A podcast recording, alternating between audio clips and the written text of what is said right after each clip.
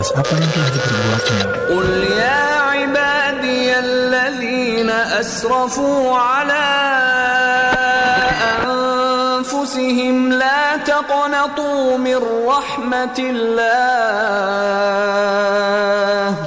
إن الله يغفر الذنوب جميعا إنه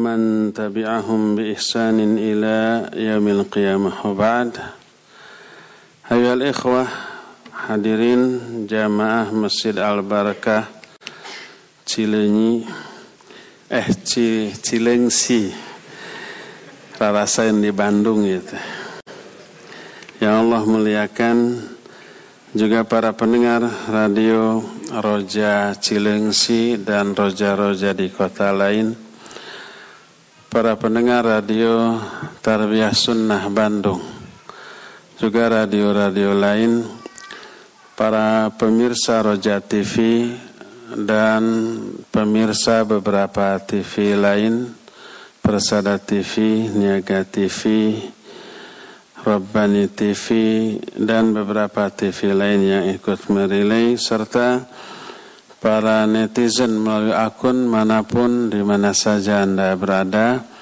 Alhamdulillah untuk yang pertama kali seumur hidup saya menginjakan kaki di masjid baru ini. Biasanya sebelah sono ya. Walaupun belum sepenuhnya selesai, tapi alhamdulillah sudah bisa dipakai sebagian. Yang semoga Allah SWT memberikan kelancaran untuk menyelesaikan pembangunan Masjid Al-Barakah ini sehingga jauh lebih memberi manfaat yang lebih banyak kepada umat ini. Ikhwati fillah, kita saya pertama saya mohon maaf agak sedikit terlambat cuma 34 menit. Yang keduanya tema yang kita akan usung sekarang ini adalah kelanjutan dari tabligh akbar di Bandung Ahad yang lalu. Ahad lalu di Bandung kita mengangkat tema agar selamat dari api neraka. Setelah selamat dari api neraka, ke mana kita melangkah? Ke surga. Dan inilah kesuksesan yang sebenarnya di dalam kehidupan seorang manusia. Sukses itu harus sampai di akhirat loh. Tidak boleh hanya di dunia dengan pengertian yang super sempit. Selama ini manusia di dunia dianggap sukses kalau dia kaya raya, berpangkat, berkuasa, berjabatan, populer, banyak pendukung, banyak pengikut, maka orang itu sukses. Itu kebanyakan orang. Padahal dia itu sedang memposisikan diri pada posisi yang super sangat berbahaya bagi dirinya. Baik bahaya di dunia, terlebih di akhirat nanti. Semakin banyak kekayaan, semakin tinggi pangkat dan jabatan, semakin luas popularitas dan kekuasaan, semakin berisiko, berisiko menderita di dunia, berisiko menderita di akhirat karena hisabnya jauh lebih berat, lebih panjang. Ingat, harta, kekuasaan, dan dunia beserta isinya yang halalnya dihisab dengan hisab yang berat, yang haramnya diazab. Jadi semakin banyak harta, kekayaan, kekuasaan itu semakin membebani si pemiliknya dengan beban yang tidak enteng, tidak ringan, amat sangat berat. Itu di akhirat. Di dunia, orang yang kaya raya, mereka stres dengan kekayaannya. Orang yang berkuasa, Mereka tidak tenang dengan kekuasaannya. Khawatir kekayaannya berkurang, rugi, ditipu orang, digondol orang. Khawatir kekuasaannya itu di apa nama kudeta, direbut, dirongrong dan khawatir setelah dia tidak berkuasa yang mengambil alih kekuasaannya itu lawan politiknya dikorek-korek kesalahan selama dia berkuasa dipidanakan dan seterusnya. Makanya banyak kekayaan luasnya kekuasaan itu tidak menjamin dia bahagia. Tidak menjamin hatinya tenang jiwanya tentram itu di dunianya. Oleh karena itu ukuran sukses bukan begitu. Sukses yang sebenarnya kalau dia lewat waktu kehidupan di dunia sampai ke akhirat lalu lepas dari api neraka masuk ke dalam surga itu sukses yang sesungguhnya. Faman zuhziha anin nar wa udkhilal jannah faqad faz. Siapa orang yang selamat dari api neraka lalu masuk ke dalam surga, sungguh dia ini telah sukses. Dia telah bahagia. Ikhwati fillah azanillah wa iyakum Sebenarnya kita diciptakan oleh Allah untuk menetap tinggal di surga. Dan itu yang Allah Azza wa Jalla katakan kepada nenek moyang kita Adam dan Hawa. Allah menyatakan kata Allah Subhanahu wa taala wa qulna ya Adam uskun anta wa zawjukal jannah. Ingat ketika kami berkata, "Hai hey Adam, tinggallah kamu beserta istrimu di surga." Itu tempat tinggal kita yang sebenarnya, tempat tinggal manusia yang hakiki. Awal diciptakan langsung disuruh menempati tempat di surga. Kemudian karena hikmah yang besar manusia itu diturunkan dulu ke muka bumi. Disuruh keluar dulu dari surga karena sebab-sebab tertentu yang kita sudah tahu ceritanya digoda oleh iblis lanatullahi alaih. Tapi itu sudah menjadi kehendak Allah. Salah satu hikmahnya kenapa manusia dari surga dikeluarkan dulu, disuruh hidup di alam dunia ini salah satu hikmahnya bukan satu-satunya diterangkan oleh Imam Ibnu Qayyim dalam kitab Miftahud dari Sa'adah. Kitab Miftahud dari Sa'adah ini bercerita tentang asal mula penciptaan manusia dan asal mula manusia ditempatkan di surga. Lalu Allah turunkan dulu ke muka bumi untuk mengarungi kehidupan yang berwarna-warni dari segala segi di alam dunia ini. Salah satu hikmahnya adalah agar manusia itu tahu, faham, merasakan betapa tingginya kenikmatan surga, betapa berharganya keindahan surga, betapa tak tertandinginya kebahagiaan hidup di surga. Orang tidak akan merasa nikmat kalau dari awal sampai tak terhingga nikmat terus.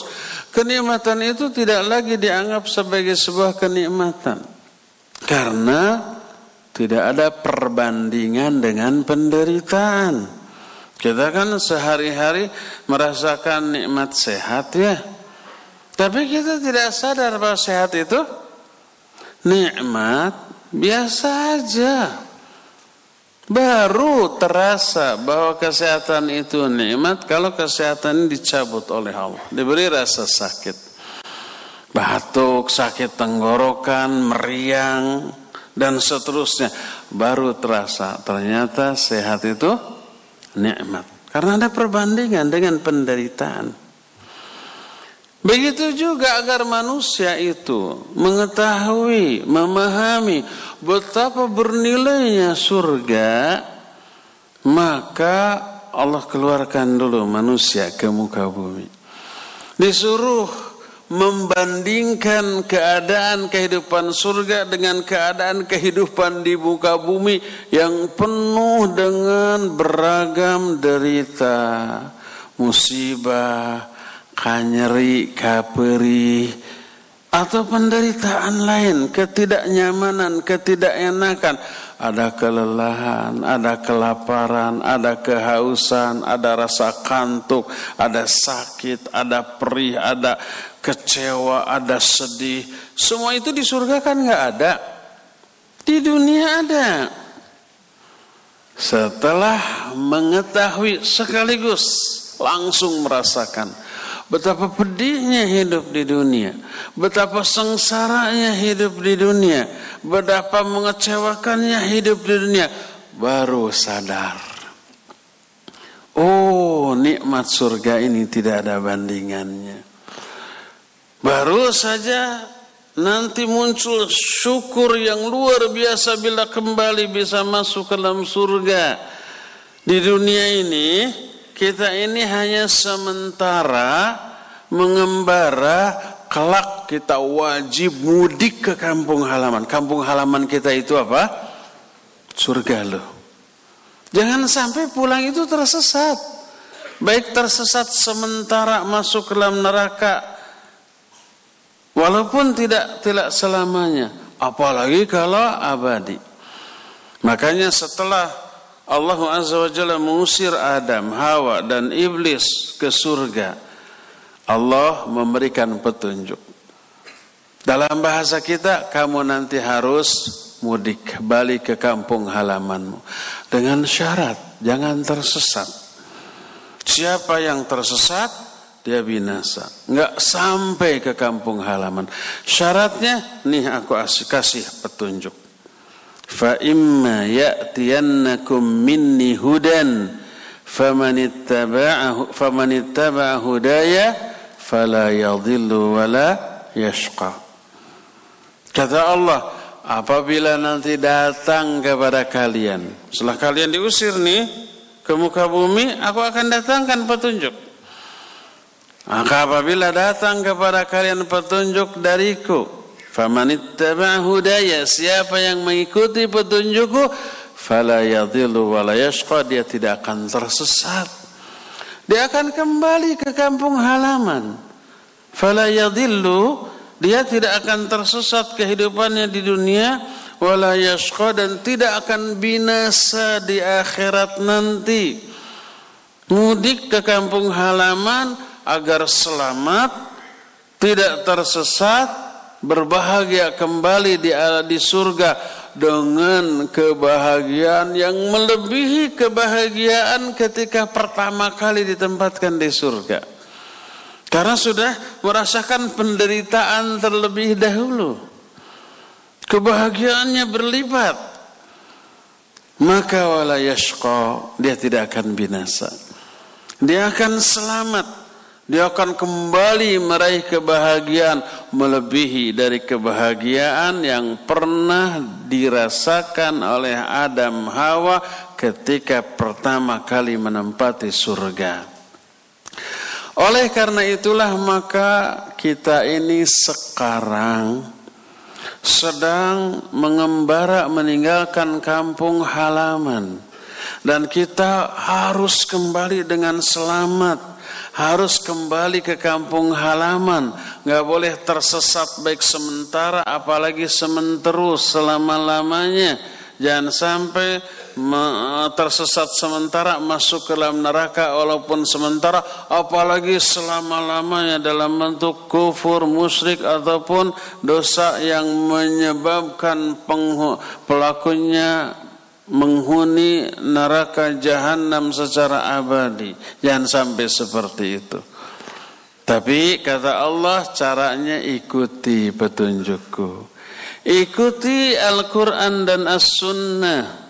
Makanya di ayat berikutnya Allah menyatakan wa man a'rada an dzikri fa inna lahu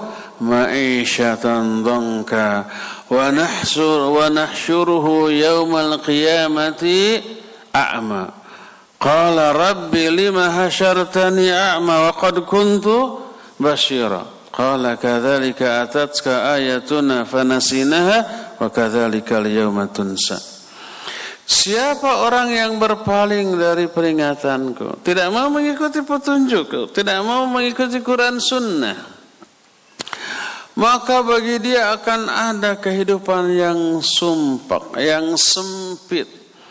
Hatinya selalu merasakan kesumpakan Di tengah gelimang harta kekayaan yang melimpah di tengah tingginya pangkat jabatan dan kekuasaan, di tengah pendukung yang begitu banyak, hatinya tetap sumpek, sempit, tidak merasakan ketenangan, kesenangan, kebahagiaan. Karena apa? Karena berpaling. Dari mana? Dari apa berpaling? Dari peringatan Allah, dari Al-Quran, dari As-Sunnah, itu di dunianya. Wa nahsyuruhu yaumal qiyamati a'ma.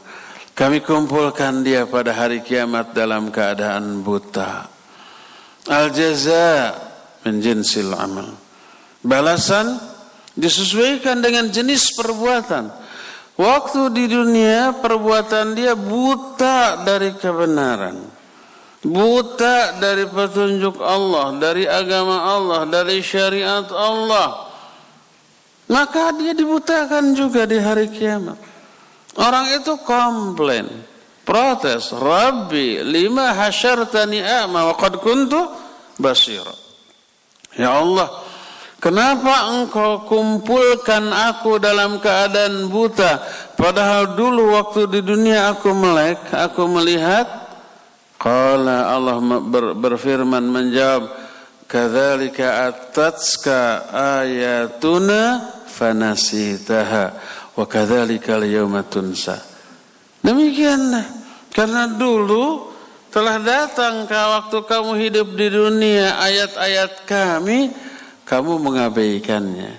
Kamu melupakannya. Kamu tidak mempedulikannya. Wa kadzalikal maka pada hari ini kamu juga diabaikan. Kamu juga dilupakan. Kamu juga tidak dipedulikan. Dalam bentuk dibutakan bahkan tidak hanya buta juga tuli dan bisu wa nahsyuruhum yauma ala wujuhihim yaumal qiyamati umyan wa bukman asumman wa umyan wa bukman fahum la yarjiun. Kami kumpulkan mereka ini saking terhinanya orang ini. Dengan berjalan berdiri di atas wajahnya. Di sini kita di dunia berjalan dengan kedua kaki. Sehebat-hebat ahli akrobat, gak ada yang bisa berjalan di atas wajah. Ada yang bisa berjalan di atas dua tangan ya. Tapi nggak ada yang berjalan di atas wajah, rusak wajahnya. Tapi nanti mereka di hari kiamat berdiri berjalan di atas wajahnya dalam keadaan buta, tuli dan bisu dan mereka tidak bisa kembali. Summun, bukmun, umyun, fahum la yarjun. Karena dulu di dunia mereka juga buta, tuli dan bisu dari kebenaran nggak mau melihat kebenaran, mendengarnya, apalagi ngomongnya. Sekali ngomong yang batil, yang syubhat, yang busuk, yang buruk. Sekali mendengar yang didengarnya juga yang buruk-buruk pas mendengar. Kajian, mendengar dakwah, lantunan ayat, pedaran hadis, mereka tutup telinganya. Mereka mencocokkan atau menutupkan kedua telunjuknya kedua ke kedua lubang telinganya. Itu yang mereka lakukan saking antinya kepada kebenaran. Buta, tuli dan bisu di dunianya, di akhiratnya Allah akan jadikan dia buta, tuli dan bisu. Al jaza min jinsil amal. Balasan akan sesuai dengan bentuk perbuatan. Oleh karena itulah maka orang yang berpaling dari petunjuk Allah ketika di dunia dia akan tersesat jalan hidupnya dan akan menderita secara abadi pada hari kiamat nanti. Jangan sampai kita seperti itu. Kita harus kembali ke kampung halaman kita di surga. Jangan sampai tersesat baik sementara apalagi sementerus tadi selama-lamanya. Tapi kita harus sampai dengan selamat dan bisa kembali menikmati seluruh kenikmatan surga yang Allah sediakan agar kita mengecap kesuksesan yang hakiki dari kehidupan kita dalam kehidupan di dunia dan di akhirat ini. Bagaimana caranya? Tadi sudah dijelaskan. Secara umum ikuti petunjuk Allah. Tapi ingat, ingat nih. Dulu Adam dan Hawa hidup di dalam surga ada makhluk yang dengki yang bermaksud mencelakainya dan bermaksud mengeluarkan Adam dan Hawa dari surga dan sukses besar. Siapa makhluk ini? Iblis laknatullahi alaih. Hanya dengan satu larangan hidup di tengah beribu kenikmatan yang beragam dengan satu larangan, satu-satu larangan, satu-satunya kesempatan yang sempit ini berhasil dimanfaatkan oleh setan laknatullahi alaih.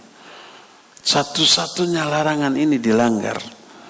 Yang menyebabkan Adam dan Hawa terusir dari surga.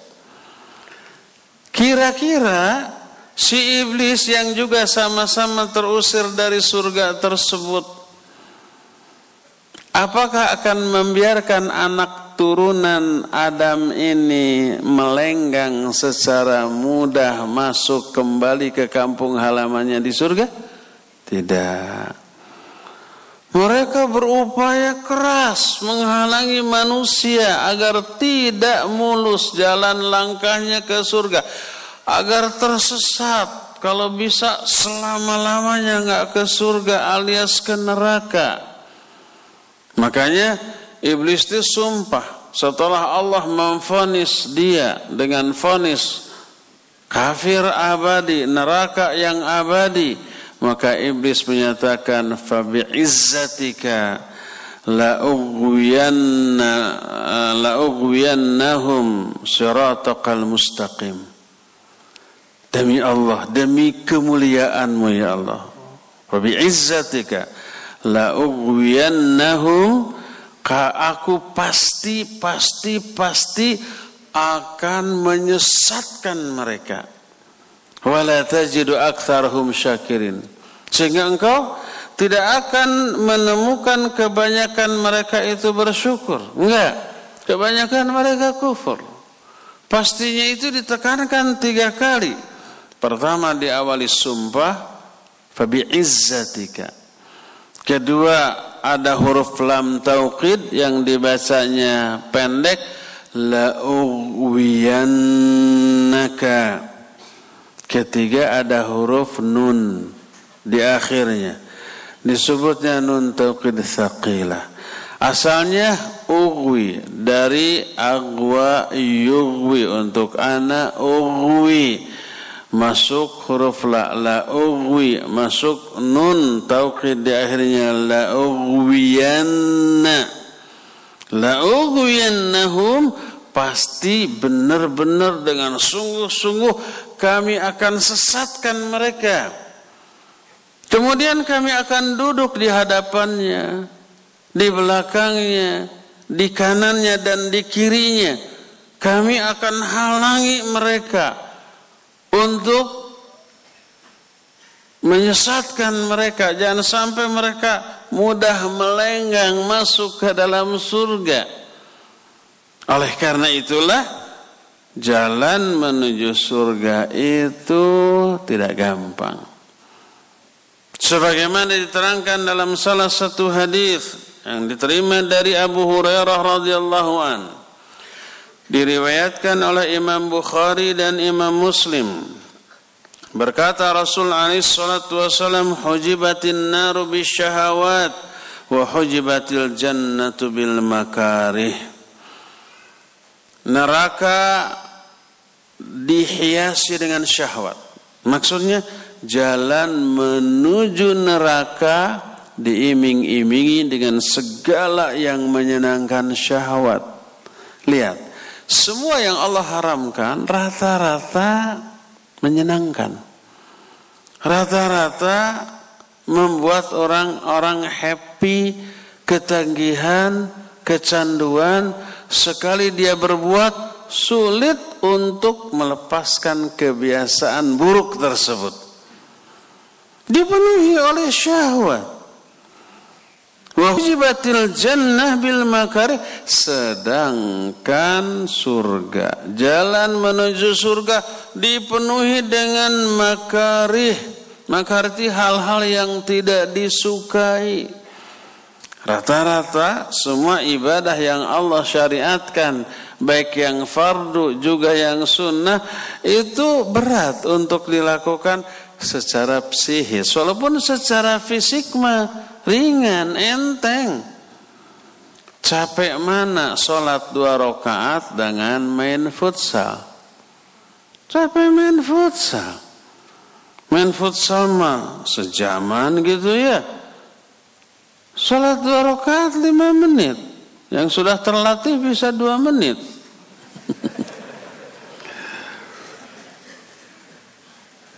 Apakah yang lima menit keringetan, ngos-ngosan? Enggak. Apakah yang satu jam futsal ngos-ngosan dan keringetan? Ya pasti keringetan, pasti ngos-ngosan. Yang dua rakaat gratis. Futsal bayar tidak? Bayar. Jadi lebih berat mana secara fisik? Lebih berat futsal.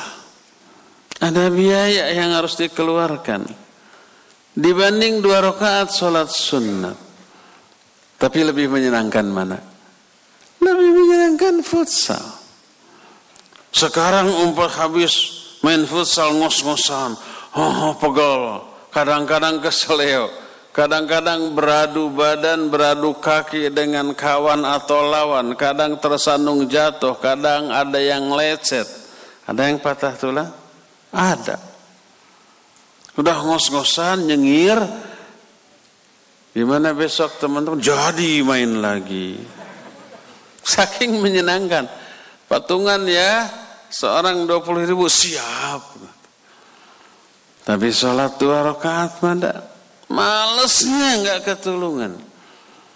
Secara fisik lebih berat itu, lebih ringan ini. Secara psikis sebaliknya, lebih berat yang dua rakaat daripada yang satu jam futsal. Berdasarkan hal itulah, sabda Nabi SAW terasa benar. Neraka dihiasi dengan hal-hal yang menyenangkan, sedangkan surga dipenuhi dengan hal-hal yang tidak disukai.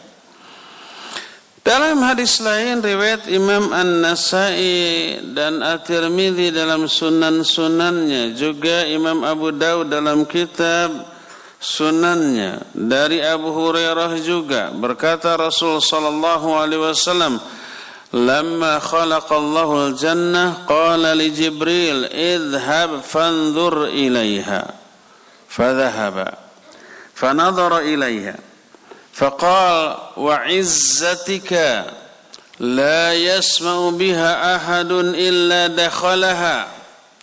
فحفها بالمكاره فقال اذهب فانظر إليها.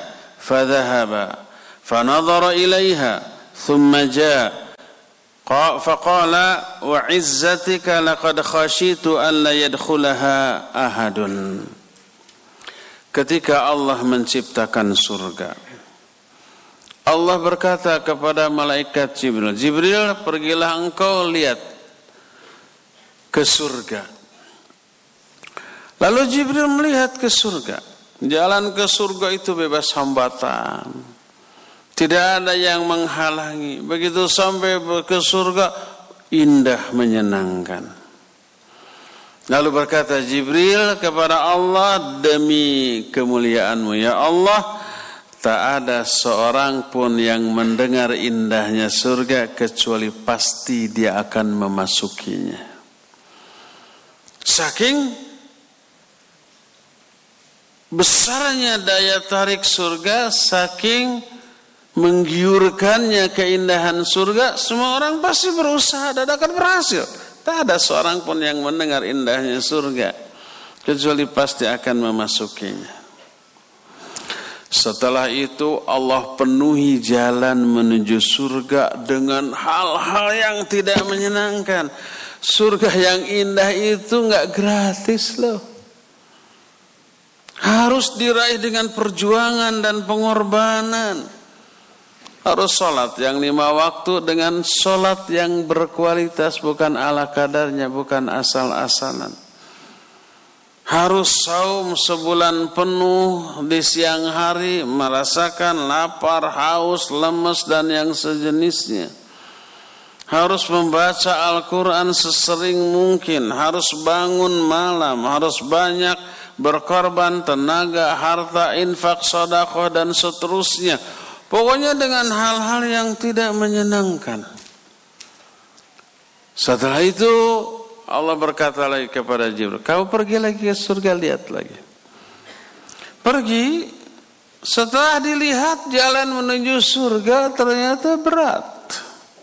Banyak halangan, banyak hambatan, banyak obstacle, banyak awaiq halangan hambatan. Berkatalah Jibril, demi kemuliaanmu ya Allah, aku khawatir tak ada seorang pun yang bisa memasuki surga. Saking apanya?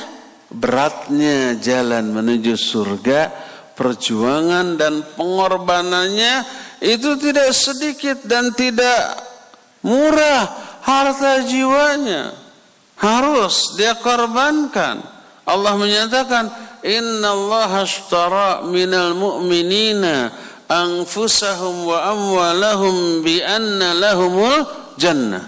Yuqatiluna fi sabilillah. Fayaqtuluna wa yuqtalun wa'dan alaihi haqqa. Sesungguhnya Allah telah membeli jiwa dan harta orang-orang mukmin dengan surga. Korbankan jiwanya, korbankan hartanya.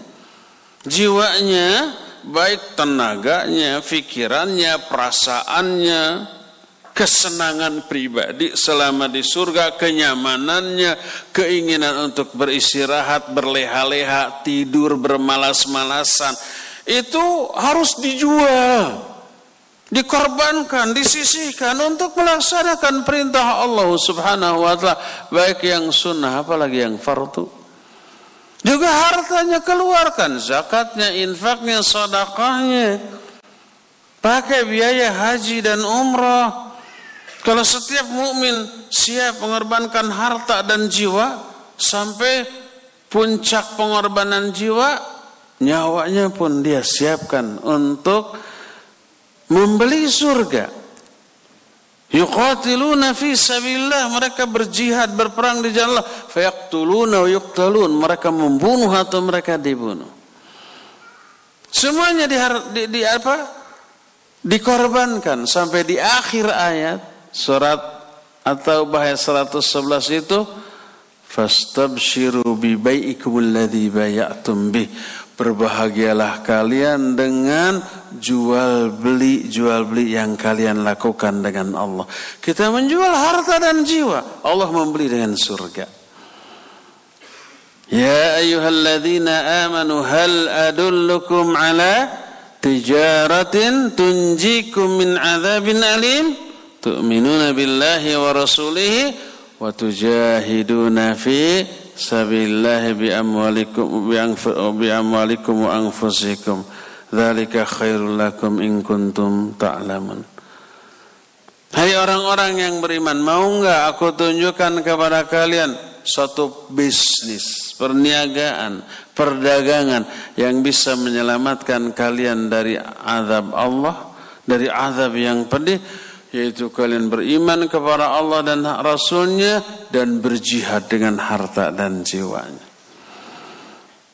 Harta dan jiwa kita sebenarnya milik Allah dititipkan sementara Mau nggak harta dan jiwa ini kita gunakan hanya untuk memenuhi keinginan Allah, Allah nanti akan kasih balasan dengan surga. Jiwa raga ini akan Allah kembalikan lagi kepada kita.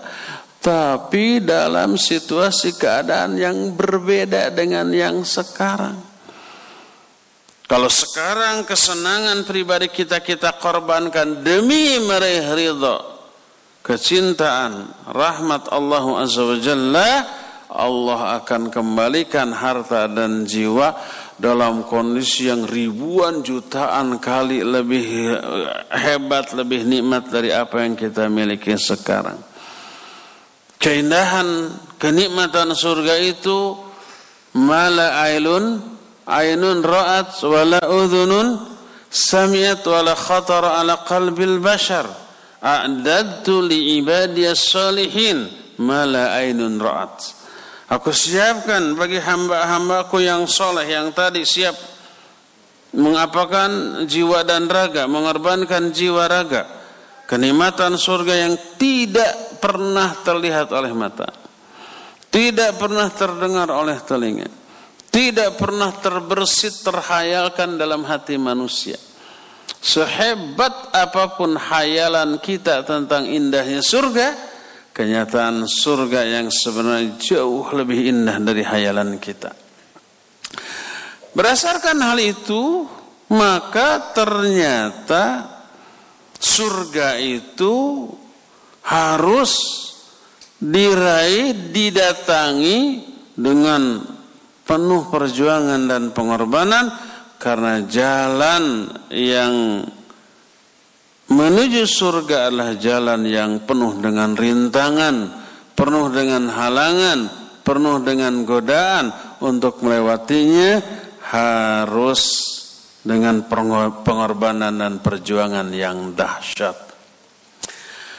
Apa sajakah yang harus kita lakukan? Perjuangan yang bagaimanakah yang harus kita lakukan agar kita bisa sampai ke surga?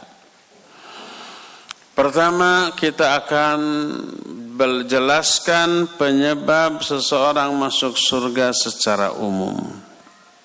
Nanti kalau masih ada waktu, kita akan ngaji cuma sampai setengah sebelas. Kalau ada waktu kita akan jelaskan secara rinci. Pertama, syarat pokok, syarat utama dan pertama untuk bisa masuk surga adalah iman dan amal soleh. Ini jiwa dan raga, ini lahir dan batin. Iman adalah batin, amalan batin, amal soleh adalah amalan lahir. Iman dan amal soleh adalah dua amalan lahir batin yang sinergi, yang selaras. Bukan lain di mulut, lain di hati. Bukan berpura-pura apa yang dilakukan bertolak belakang dengan isi hati. Enggak. Siapa yang beriman dan beramal soleh Allah janjikan surga surga milik Allah, jalan untuk meraihnya Allah yang tentukan. Bukan menurut semau kita, semau Allah. Karena surganya milik Allah, Allah pula yang harus menentukan bagaimana cara meraihnya. Allah jelaskan.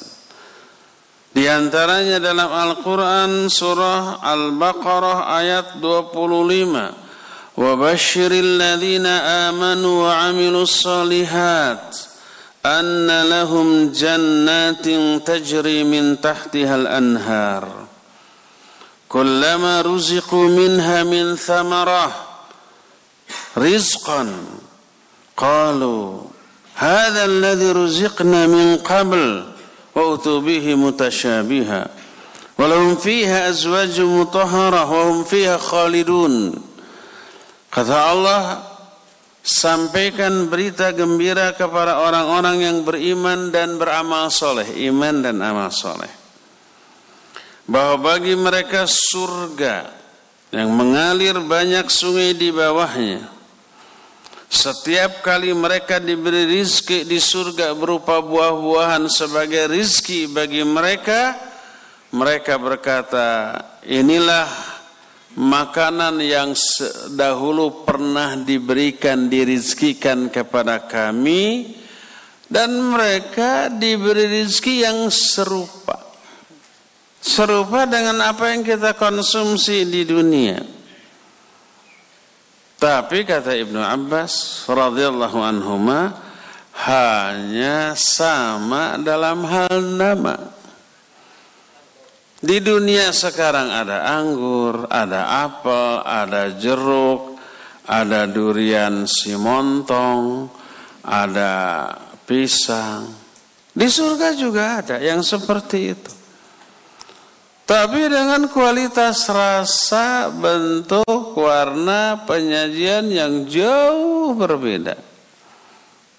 Jangankan surga dengan dunia tuh. Dunia dengan dunia saja beda. Pisang coba. Ada berapa ratus ribu jenis pisang. Yang satu lebih enak yang dibanding yang lain. Satu jenis pisang sama-sama pisang Ambon saja. Kalau di sini saya nggak tahu. Di Bandung Pisang Ambon ada yang didatangkan dari Banjar, ada yang dari Jampang, Sukabumi, Cianjur.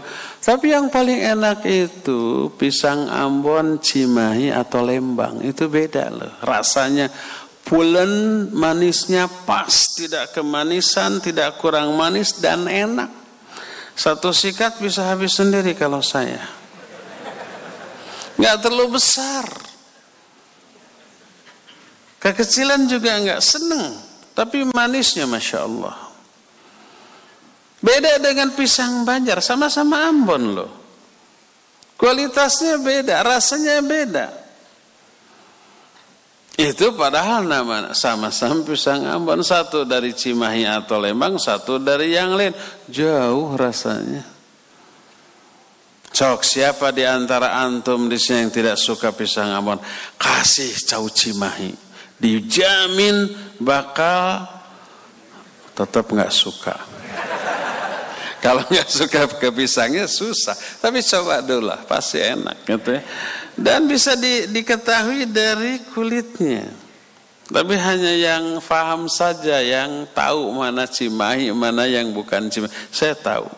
Nggak bisa dibodoh-bodoh. Mang ayat cimahi, nah ini bohong ya Banjar. Nggak bisa dibohongi. Itu baru dunia dengan dunia. Apalagi dengan surga. Namanya sama. Bentuknya mirip. Di sini apa nama mangga yang ah, manis agak asam namanya? Aduh, buah apa namanya? Cengkir. Ah, cengkir. Bukan aromanis. Kalau aromanis itu uh, manis dan lembut ya. Kalau cengkir ada asamnya, tapi uh, ada seratnya juga ya. Yang pernah merasakan dua-duanya pasti bisa membedakan. Di suatu tempat, bukan di Indonesia. Saya pernah menemukan ini mangga apa. Pokoknya coba dulu Ustaz. Setelah dirasa aromanya, wanginya wangi cengkir, manisnya lebih manis daripada aromanis. Entah perkawinan, tapi lebih gede dan kulitnya itu agak kemerah-merahan. Entah perkawinan, entah bukan. Dan ini lebih manis dan lebih wangi. Kalau aroma manis kurang kurang wangi. Kalau kalau cengkir kan ada wanginya ya enggak? Cuma kurang lembut, tidak selembut dan tidak semanis aroma manis. Ini bayangkan, manisnya lebih manis dari aroma manis, lembutnya lebih lembut dari aroma manis, tapi aromanya aroma cengkir. Aduh, promo ya. Pokoknya penjual aroma manis dan cengkir harus ngasih royalti. Itu di dunia sudah berbeda apalagi di akhirat nanti ya. Durian banyak jenisnya, ada petruk, ada durian Bangkok, ada durian apa lagi tapi yang paling manis, paling enak si montong. Montong dibeli mahal. Tahu montong? Montong dalam bahasa Sunda artinya jangan tapi kasar. Makanya disebut montong. Karena mahal. Tapi enaknya luar biasa. Dagingnya tebal, bijinya tipis, manisnya sampai nyelekit ke hati. Gak akan bisa lupa sepekan dua pekan. Beda-beda itu montongnya ada montong Palu, ada montong Thailand, ada montong macam-macam, rasanya berbeda. Ada yang satu lebih manis daripada yang lain. Itu baru di dunia. Apalagi di akhirat. Namanya sama. Kualitas rasanya, segalanya penyajian jauh lebih baik ribuan kali lipat daripada yang kita rasakan di dunia ini. Kalau di dunia si montong satu butir, satu biji utuh nggak akan bisa habis oleh sendiri. Enak baru dua tiga biji udah enak di sana nggak ada enaknya di sini mikir ini kolesterol nih. Tensi naik nih. Asam urat juga bisa naik nih. Diabetes juga bisa naik nih. Wah siap-siap ke rumah sakit. Itu di dunia. Di sana tidak ada madarat seperti itu. Nggak mikir efek buruk dari makan enak di sini. Nggak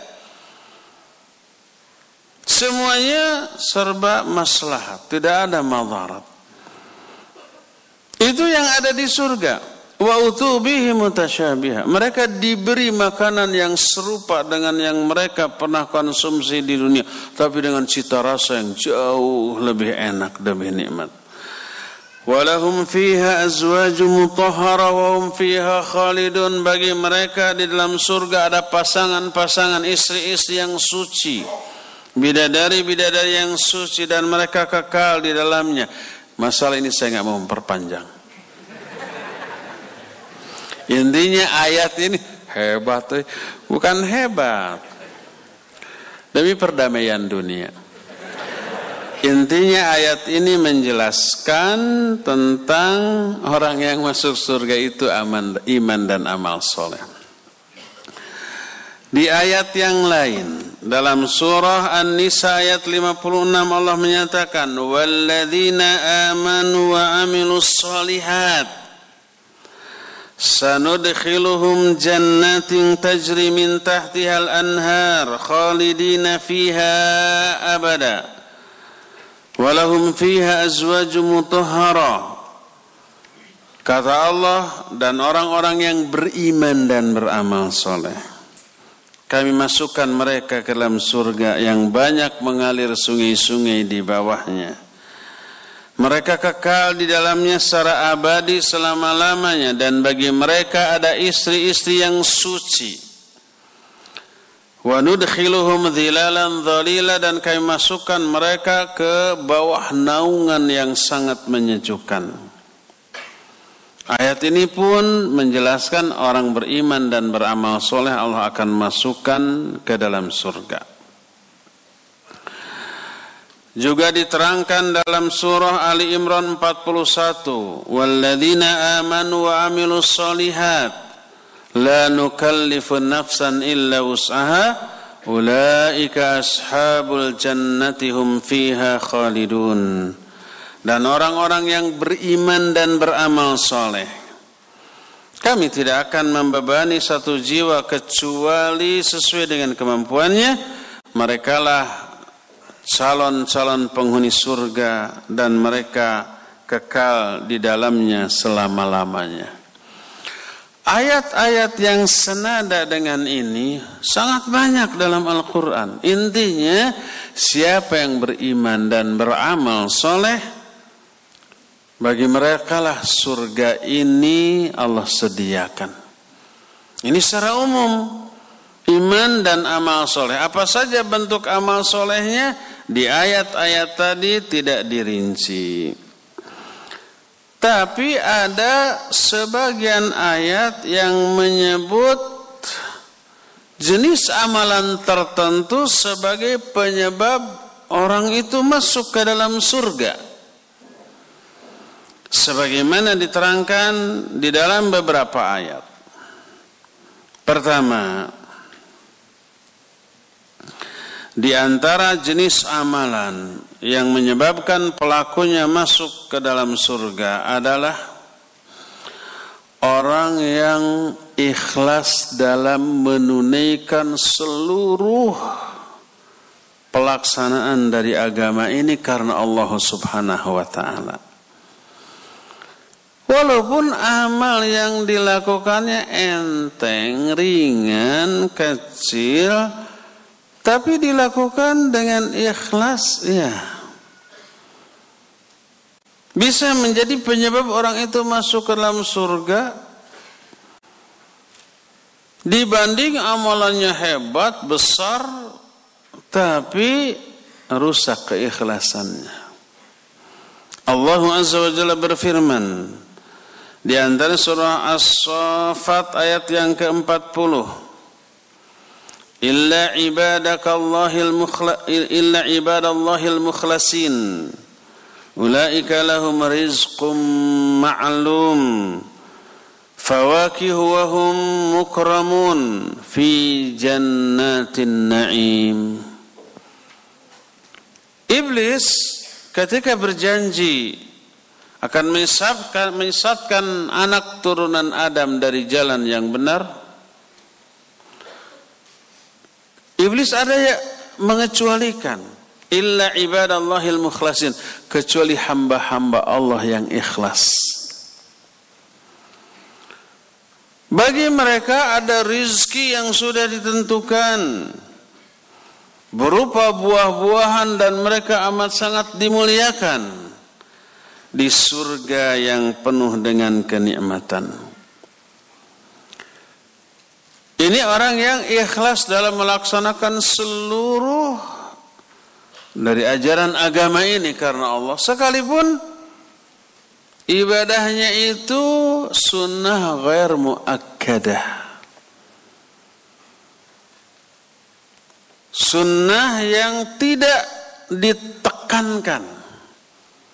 Seperti contoh syukrul wudhu umpamanya. Salah satu hadis sahih riwayat Imam Muslim menyatakan man tawadda wa asbagha wudu'ahu thumma shalla rak'atain siapa orang yang berwudu lalu membaguskan wudunya lalu salat dua rakaat. Salat apa? Salat syukur wudu. Setelah wudu salat dua rakaat. Salat syukur wudu dalam satu riwayat disebutkan la yuhdithu syai'un fi qalbih. Dalam riwayat lain muqbilun bi qalbihi muqbilun ila Allah bi wajhihi wa qalbihi.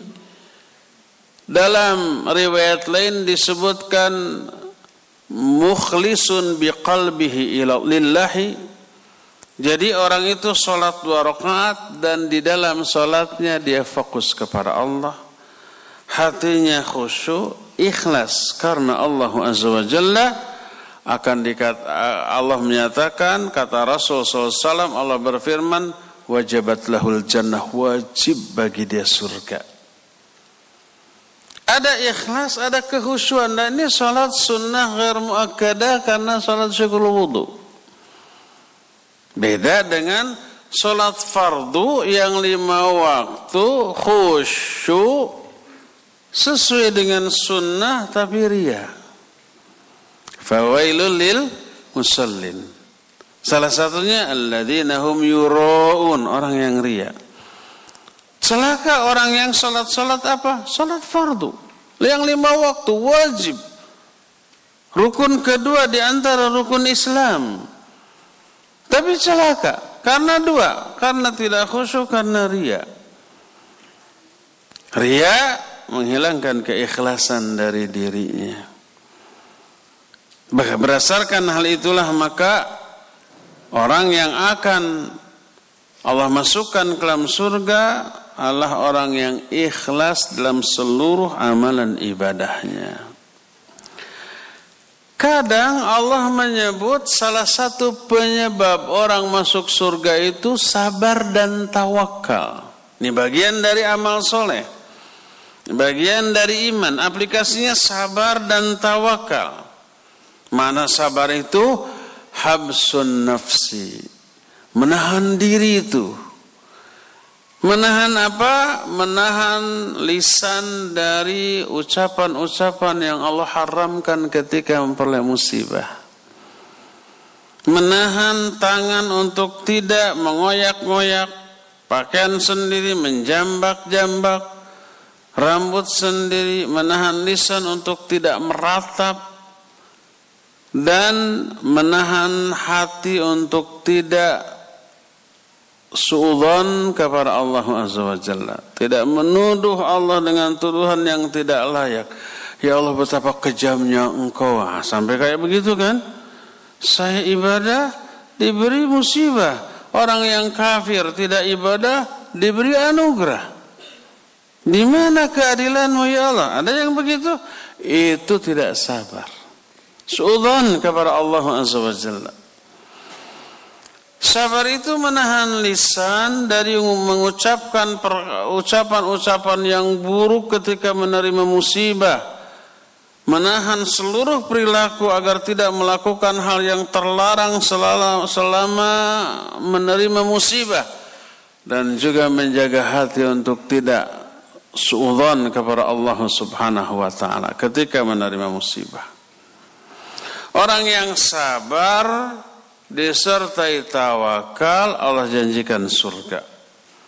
Sebagaimana firman Allah dalam Al-Quran surah Al-Ankabut 8, 58 sampai 59 Allah menyatakan Walladzina amanu wa amilu salihat lanubawwi'annahum minal jannati ghurafa tajri min tahtihal anhar khalidina fiha ni'ma ajrul amilin alladzina sabaru wa ala rabbihim yatawakkalun. Ini rincian dari iman dan amal soleh. Salah satu perwujudan dari iman dan amal soleh sabar dan tawakal. Kata Allah dan orang-orang yang beriman dan beramal soleh. Kami tempatkan mereka itu di kamar-kamar di surga yang mengalir sungai-sungai di bawahnya itulah sebaik-baik pahala bagi orang yang beramal yaitu orang-orang yang sabar dan mereka hanya bertawakal kepada Allah Azza wa Jalla. Jadi di antara wujud iman dan amal soleh sabar dan tawakal. Kadang Allah menyebut secara khusus salah satu bentuk iman dan amal soleh yang menyebabkan pelakunya masuk surga adalah istiqamah di atas keimanan. Dia tabah, dia teguh, dia tidak belot, tidak berhenti, tidak menyimpang dari ibadah dan amal soleh yang selama ini dilakukannya. Tetap dia tangguh di atas kebenaran, di atas kebaikan, di atas ibadah dan amal soleh.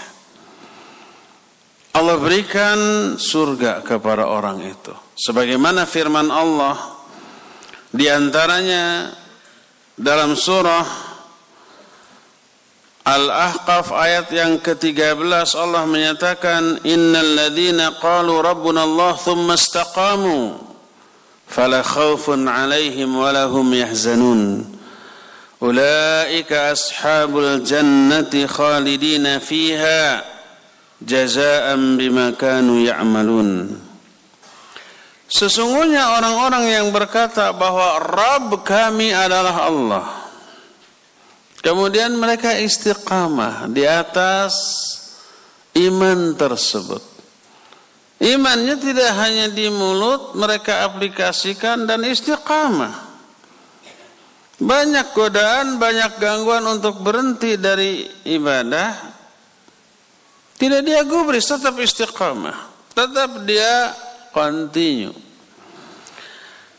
Maka fala khaufun alaihim walahum yahzanun.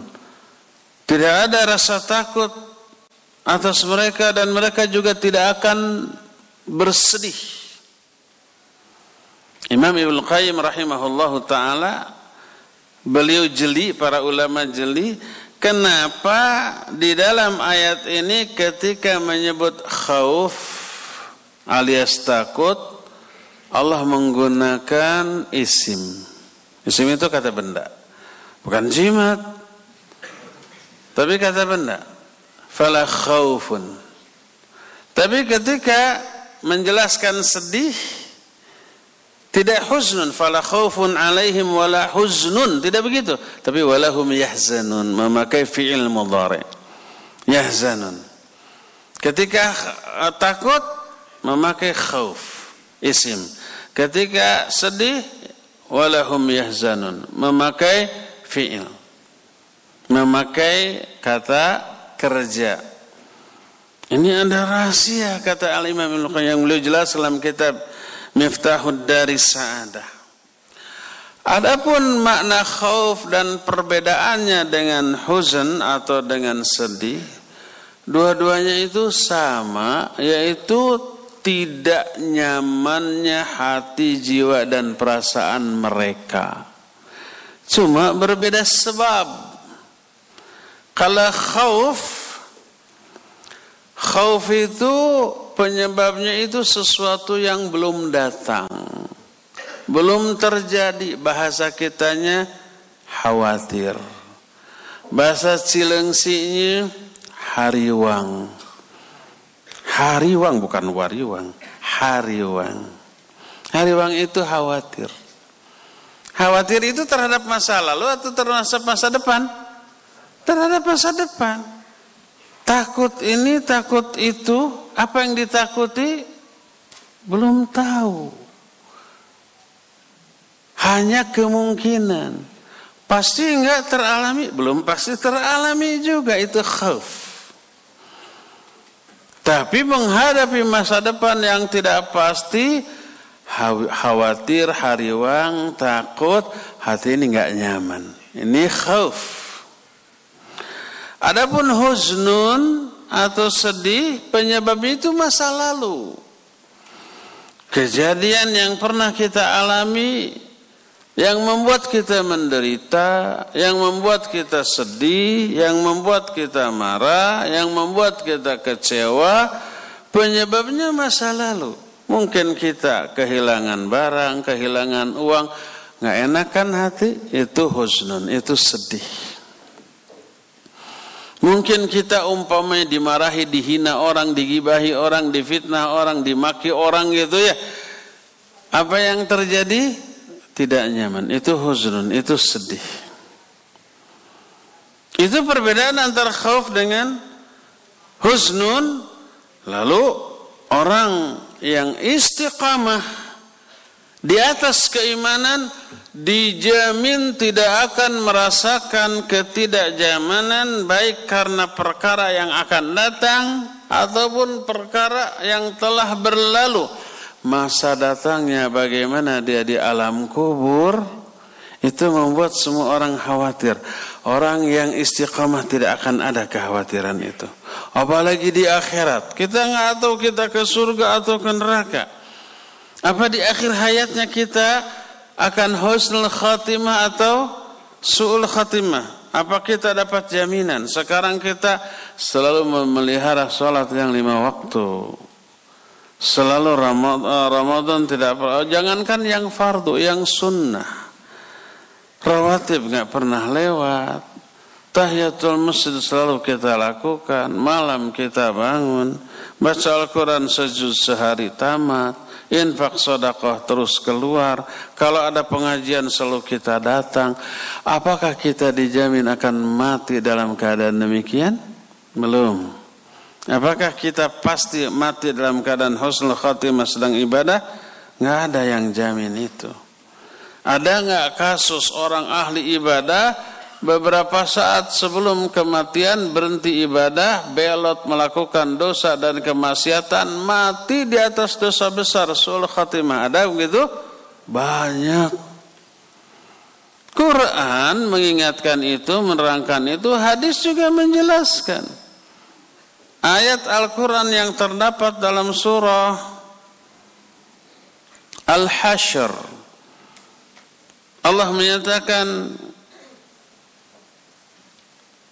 di dalam al kamathali iblis id qala lil insani kfur falamma kafara qala inni bari'um mink inni akhafu Allah rabbal alamin فكان عاقبتهما أنهما في النار خالدين فيها Wadzalika jazaa'u zalimin.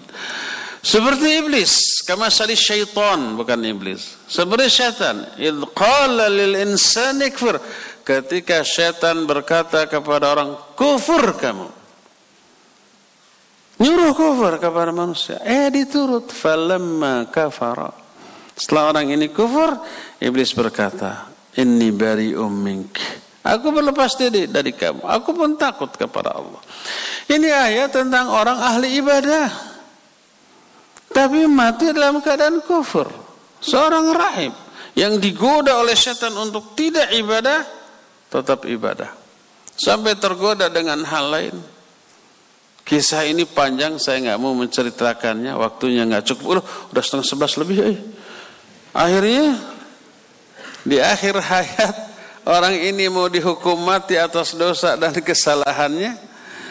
Setan datang menawarkan jasa, kamu mau saya selamatkan? Mau. Sujud ke saya sekarang. Nggak mau. Kenapa nggak mau ya? Musyrik. Gampang setelah itu kamu bisa tobat ibadah. Ya tobat lagi, ibadah lagi. Kamu selamat memperbaiki diri gitu. Daripada mati sekarang dalam keadaan wirang di kolong catak. Apa ya bahasa Indonesia-nya? Dalam keadaan malu karena sudah berbuat dosa terketahui oleh orang banyak mati dalam keadaan demikian. Ini lebih baik sekarang sujud ke saya saya selamatkan kamu bisa tobat kemakan nih omongan si setan. Sujud. Musyrik dia. Maka tertawalah setan sambil berkata ini bari ummink aku lepas diri dari kamu Gombal dia. Janjinya apa? Palsu. Itu setan. Hukuman mati dilaksanakan dia mati dalam keadaan sujud kepada setan laknatullahi alaih. Berarti ahli ibadah. Maka jangan takabur. Ah. Saya mau ngaji terus dijamin saya lagi sujud nih matinya. Enggak enggak boleh takabur seperti itu. Rasul sallallahu alaihi wasallam bersabda, "Innar rajula la ya'malu bi amali ahli jannah hatta la yakuna bainahu wa bainaha illa dhira'."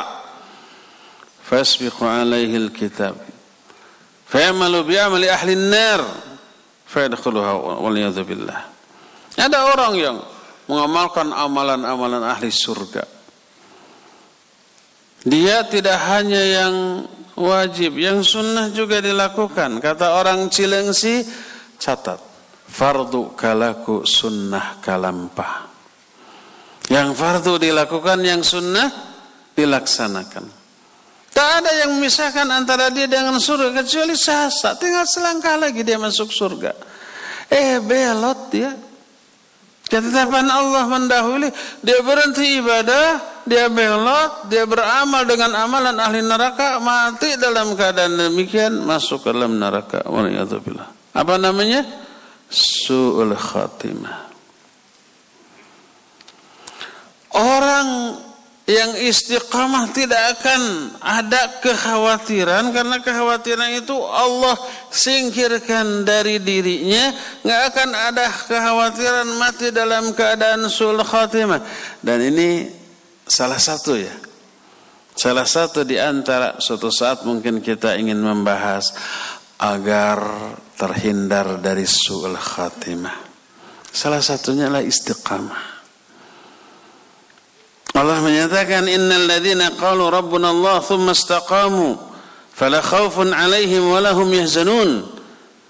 Ulaika ashabul jannah khalidina fiha jazaa'an bima kanu ya'malun Sesungguhnya orang-orang yang berkata Rabb kami adalah Allah kemudian istiqamah. Tidak ada ketakutan atas mereka. Mereka juga tidak akan berduka cita. Mereka lah orang-orang yang akan menghuni surga. Mereka kekal di dalamnya sebagai balasan atas amal yang mereka lakukan. Salah satu di antara penyebab mereka tidak akan khawatir adanya malaikat yang turun menentramkan mereka dengan bisikan yang menenangkan sebagaimana di dalam ayat lain dalam surah Fussilat Innal ladzina qalu rabbuna Allah thumma istaqamu tatanazzalu alaihimul malaika alla takhafu wa la wa la tahzanu wa abshiru bil jannati allati kuntum tu'adun. Nahnu awliya'ukum fil hayati dunya fil akhirah.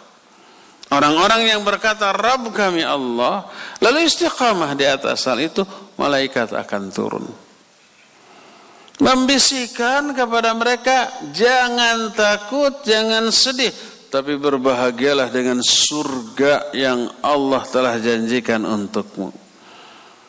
Kapan malaikat ini berbisik seperti itu? Para ulama ahli tafsir di Imam Ibnu Katsir menyatakan di empat momen. Salah satunya adalah ketika mau mati. Orang mau mati takut loh, khawatir loh. Bagaimana keluarga yang ditinggalkan? Bagaimana mas nasib dia di alam kubur nanti? Belum tahu tapi yang jelas alam kubur itu mengerikan. Sempit, gelap, nanti didatangi dua malaikat munkar nakir yang menakutkan, disebutnya juga munkar dan nakir, sumya munkar, munkara lianna kulla man ra'ahu angkarahu disebut munkar karena semua orang yang melihatnya mengingkari saking takutnya. Disebut dalam hadis dari Al-Bara bin, Az, bin Azib malakan azraqan aswadan lalu datang ke orang yang sudah dikuburkan dua malaikat yang hitam kebiru-biruan. Bayangkan, syadidal intihar. Dahsyat sekali bentakannya. Imam Al-Qurtubi dalam kitab At-Tadhkirah ketika menerangkan syadidal intihar apabila bentakan munkar nakir dilakukan kepada orang yang hidup di dunia, niscaya seluruh tulang ini copot dari sendi-sendinya. Ruk saja amruk seperti ban kempes. Saking dahsyatnya itu bentakan. Ini dilakukan di alam kubur. Kebayang. Setiap orang yang mati khawatir. Juga sedih, sedih terhadap apa yang ditinggalkan, sedih terhadap masa depan datangnya, saat itu turun malaikat.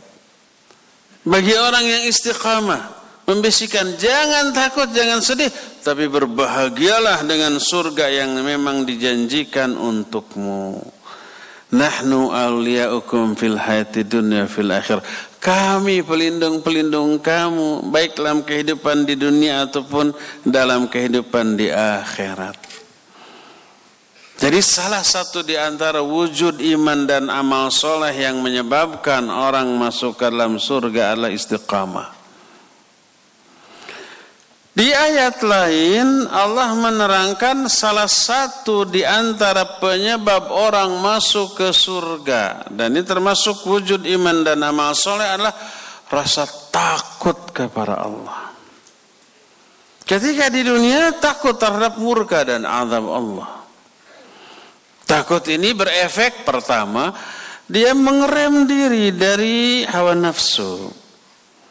Dia mengerem diri dari dosa dan maksiat, dari semua kesalahan dan penyimpangan. Dia tahan.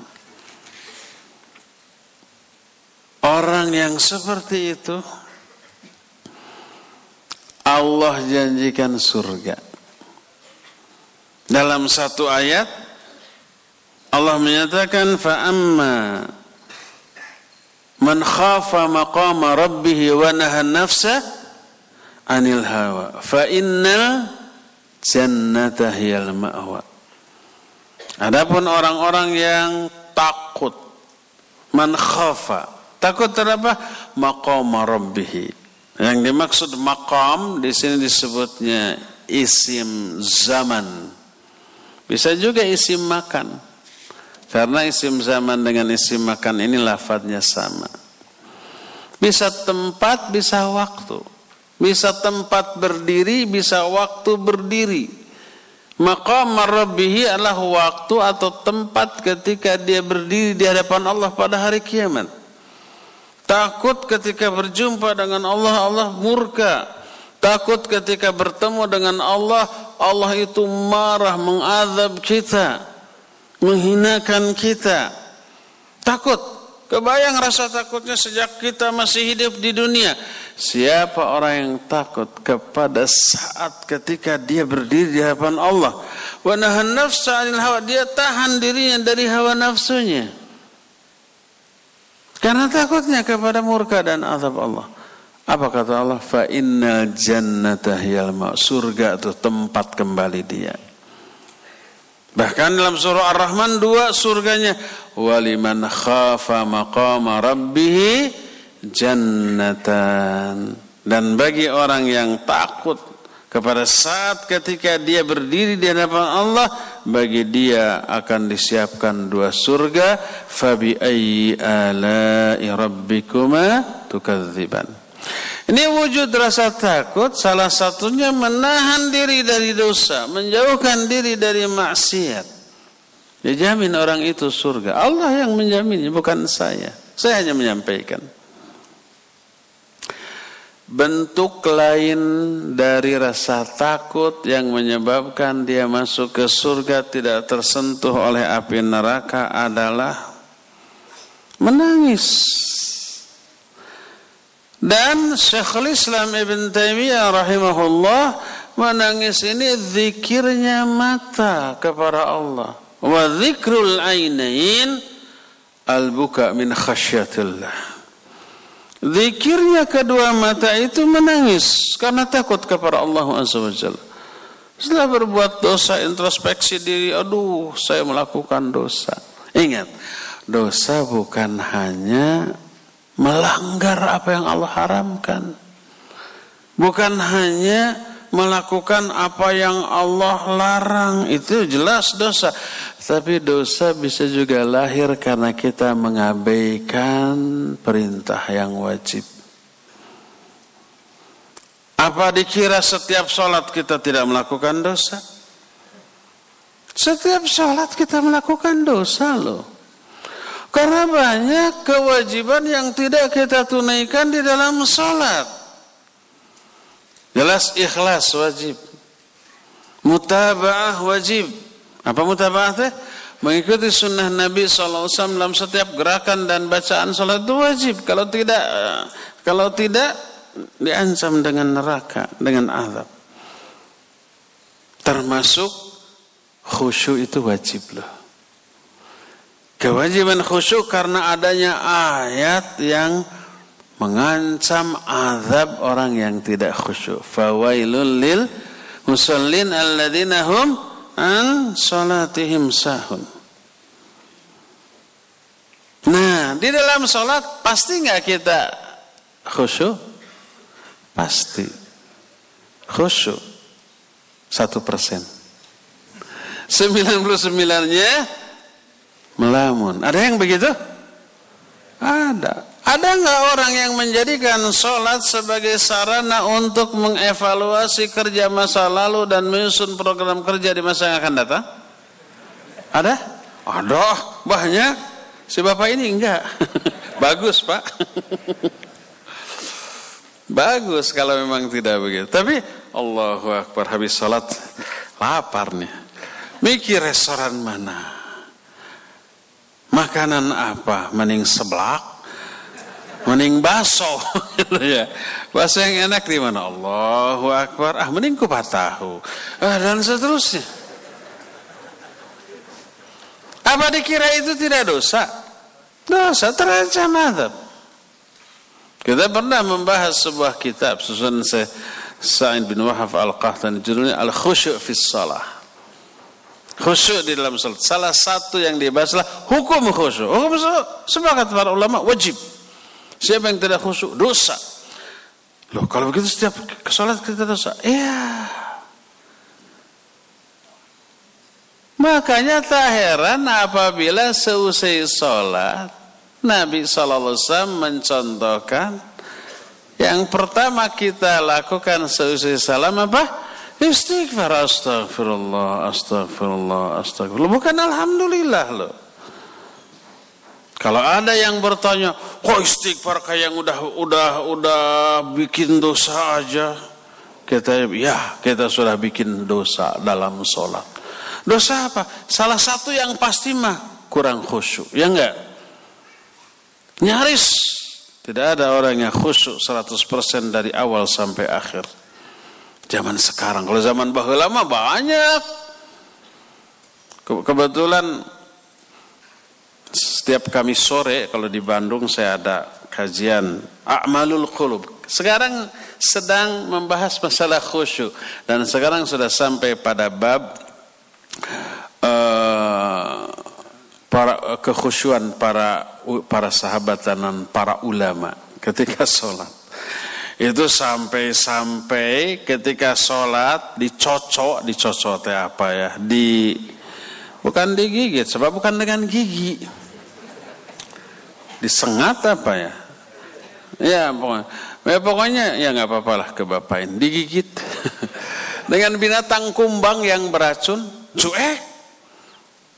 Nggak ngerjat, nggak apa. Setelah selesai baru bengkak. Oh ini apa bengkak?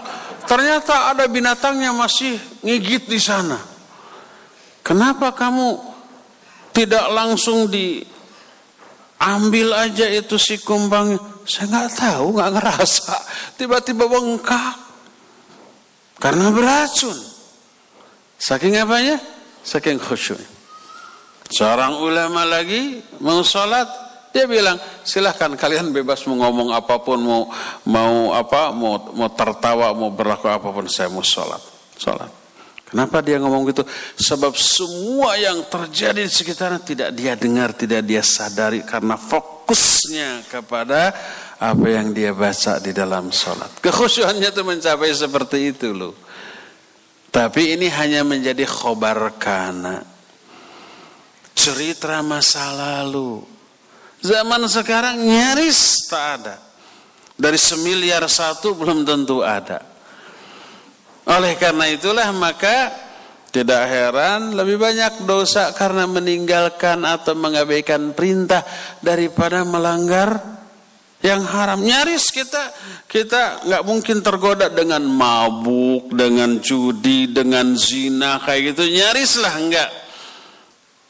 Paling kita tergodanya dengan gibah, dengan dusta ya. Dan dan yang lebih lagi dosa itu lahir dari ibadah yang wajib. Dalam bentuk kelalaian di dalam melakukan perkara yang wajib tersebut. Makanya hampir setiap ibadah pasti diakhiri oleh istighfar meminta ampunan kepada Allah Subhanahu wa taala karena banyaknya kekurangan dari hak-hak yang harus kita tunaikan, hak Allah yang harus kita tunaikan di dalam ibadah tapi tidak tertunaikan atau ala kadarnya atau kurang. Maka lahirlah dosa dari hal tersebut. Nah, takut orang-orang zaman dahulu ibadahnya itu ditolak karena kekurangan dari kualitasnya. Lalu dia menangis. Karena apa? Karena takut diadab. Kata Rasul sallallahu alaihi wasallam, "La yalijun nar man baka min khasyatillah." Tidak akan masuk ke dalam neraka orang yang menangis karena takut kepada Allah akibat dosa dan kesalahannya. Oleh karena itu, rasa takut termasuk salah satu penyebab seseorang masuk ke dalam surga atas keterangan dari Allah Azza wa Jalla baik dalam ayat ataupun melalui lisan Rasul sallallahu alaihi wasallam dalam hadis-hadisnya yang sahih. Terakhir, ini sudah lewat setengah jam afan ya. Salah satu penyebab seseorang masuk ke dalam surga adalah apa yang sedang kita lakukan sekarang ini. Bisa ditebak apa? Ngaji. Hadir ke majlis kajian seperti ini Sebab apa? Sebab orang yang hadir ke majlis kajian seperti ini Allah Azza wa Jalla janjikan akan diselamatkan dari api neraka dan akan Allah masukkan ke dalam surga. Sebagaimana sebuah hadis yang sahih riwayat Imam Bukhari dan juga Imam Muslim dalam dua kitab sahihnya. Berkata Rasul sallallahu alaihi wa alihi wasallam, sahih Bukhari dan sahih Muslim dari Abu Hurairah radhiyallahu an Inna lillahi malaikatan sayyarah Sesungguhnya Allah memiliki beberapa malaikat yang sayyarah Tahu nggak bahasa apa yang bahasa Arabnya sayyarah di kita? Mobil. Mobil itu sayyarah. Disebut sayyarah karena jalan-jalan terus. Dari sair, sara berjalan. Sara yasiru. Saira, jalan, berjalan. Orang yang berjalan sair. Tapi kalau jalannya terus nggak berhenti berhenti sayar.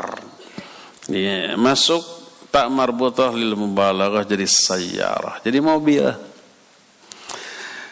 Dalam hadis di sini bukan mobil. Allah memiliki malaikat yang sayyarah, muter-muter terus terbang ke sana kemari. Ya bataguna majas majalis dzikr. Mereka mencari majlis-majlis zikir. Termasuk majlis ilmu karena afdalu dzikri al-ilm. Ta'allumuhu wa ta'limuhu. Seutama-utama zikir adalah ilmu baik mengajarkannya ataupun mempelajarinya dan seutama-utama majlis zikirlah majlis ilmu. Ketika didapati satu majlis kata para malaikat ini ini yang kita cari hayu. Lalu mereka bertumpuk satu sama lain sampai memenuhi ke langit dunia. Dari tempat itu sampai ke langit dunia. Kata Syekh Al-Utsaimin ini menunjukkan sangat banyaknya para malaikat Imam Sufyan Ats-Tsauri termasuk yang meriwayatkan hadis ini mendemonstrasikan bertumpuk dengan sayapnya satu sama lain terus sampai ke langit. Itulah jumlah malaikat yang mengerubuni majelis ilmu, majelis zikir. Setelah selesai mereka naik ke langit, lapor ke Allah. Ini menunjukkan Allah ada di mana? Di atas langit. Allah bertanya, "Min aina jitum?" Dari mana kamu? Wa huwa a'lamu bihim padahal Allah lebih mengetahui keadaan hamba-hambanya. Para malaikat ini menjawab, "Ji'na min indi ibadik." Kami datang dari sisi hamba-hambamu mereka bertasbih, bertahmid, bertahlil kepadamu. Terus apa yang mereka minta? Yas'aluna jannatak. Mereka meminta surgamu ya Allah. Kata Allah, hal ra'au jannati, apa mereka sudah melihat surgaku? Dijawab belum. Fakaifa idza ra'au jannati, bagaimana kalau mereka melihat surgaku? Pasti lebih bersungguh-sungguh lagi dalam meminta. Terus kata para malaikat wastajirunaka mereka meminta perlindungan kepadamu ya Allah. Ditanya dari apa mereka meminta perlindungan dariku eh, kepadaku dari nerakamu. Apa mereka sudah pernah melihat nerakaku? Belum. Bagaimana kalau melihat? Pasti lebih sungguh-sungguh. Kata Allah Azza wa Jalla, saksikan oleh kalian aku ampuni dosa-dosa mereka, aku berikan kepada mereka apa yang mereka minta. Apa yang mereka minta? Surga. Dan aku melindungi mereka dari apa-apa yang mereka minta perlindungan kepadaku dari hal itu. Dari apa? Dari neraka. Kata para malaikat, Rabbi anna fihim rajulun khatta'un kana yamurru wa jalasa ma'ahum. Ya Allah, di kalangan mereka yang ngumpul itu ada orang yang nggak sengaja, nggak niat ngaji. Cuma lewat, lihat ada yang ngumpul, gabung ikut duduk. Ini dapat nggak ampunan, dapat nggak surga, dapat nggak perlindungan daripada mereka? Kata Allah Azza wa Jalla, ya mereka dapat. Hum qawmun la yashqa jalisuhum. Sebab para ahli majlis tersebut adalah orang-orang yang siapa pun yang bersahabat dengan mereka, dia tidak akan binasa. Jadi tadinya nggak niat ngaji mungkin ya. Ada bapak-bapak diajak oleh istrinya, antar saya mau ngaji ke Al-Barkah. Loh nanti saya gimana nggak mau ngaji? Ya udah ke warung kayak ngopi kayak gimana? Sampai di sana ah daripada ngopi, daripada deg-degan jantung sama kopi gitu ya. Ikut aja duduk di teras mendengarkan. Dapat tuh nggak niat juga tuh ya. Oleh karena itulah maka hadis ini menjadi dalil salah satu upaya agar bisa dimasukkan oleh Allah ke dalam surga, dapat jaminan dari surga, sering-seringlah hadir ke majlis kajian. Bersabda Rasul sallallahu alaihi wasallam, "Man salaka tariqan yaltamisu fihi ilman, sahalallahu lahu bihi tariqan ilal jannah." Siapa orang yang menelusuri suatu jalan untuk mencari ilmu, Allah akan mudahkan bagi orang itu jalan menuju surga. Ikhwah, kita hanya baru membahas ayat, belum hadis. Hadis yang menjelaskan bagaimana cara meraih surga masih sangat banyak, belum kita sentuh satu pun, tapi waktu yang kita miliki sudah lewat dari yang semestinya. Semestinya saya ngaji sampai setengah sebelas. Tapi karena saya sedikit telat tadi, saya tambah setengah jam. Sekarang anggap saja kajian ini sudah selesai walaupun materi sudah uh, belum selesai. Puas tidak puas, uh, ridho tidak ridho, protes tidak protes, mau komplain mau demo, saya nggak peduli. Ini harus sudah diakhiri dan kita masih punya sisa waktu dua menit untuk tanya jawab. وصلى الله على نبينا محمد وعلى آله وسلم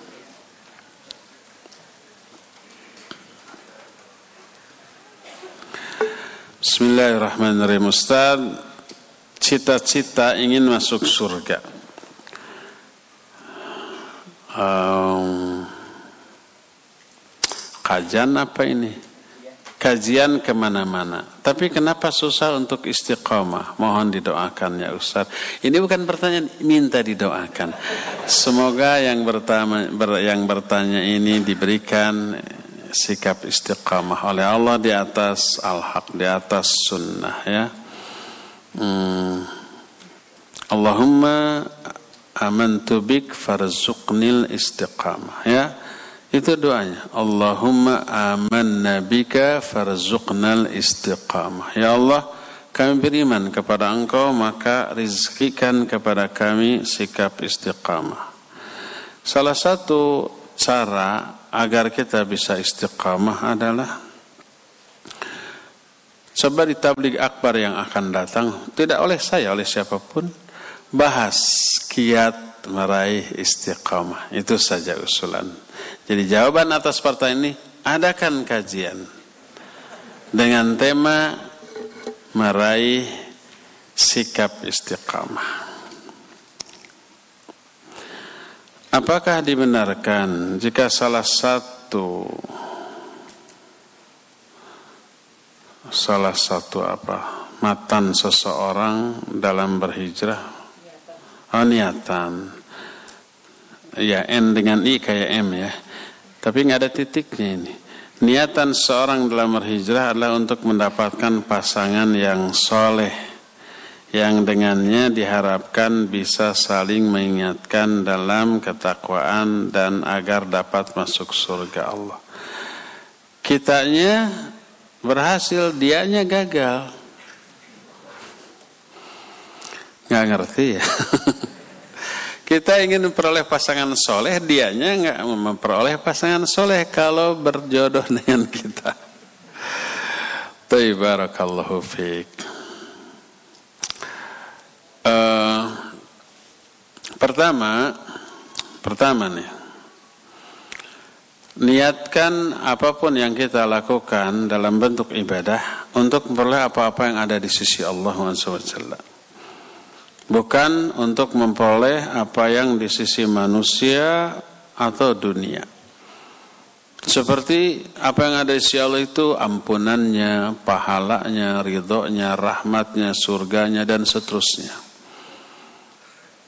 Kecuali apabila ada nas, baik ayat ataupun hadis yang menjanjikan dunia dengan amalan yang diperintahkan seperti silaturahmi. Silaturahmi amalan agama diperintahkan oleh Al-Quran oleh hadis yang sahih. Lalu Nabi SAW mengiming-iming dengan iming-iming dunia agar kita bersilaturahmi. Beliau bersabda, "Man ahabba ayubsata fi rizqih wa ayun fi athari falyasil rahimah." Hadis ini sahih riwayat Imam Muslim. Siapa orang yang ingin diluaskan rizkinya dan dipanjangkan umurnya, hendaklah dia silaturahmi. Panjang umur dan luar rizki itu dunia apa akhirat? Dunia. Tapi ini dijanjikan oleh Rasulullah Wasallam.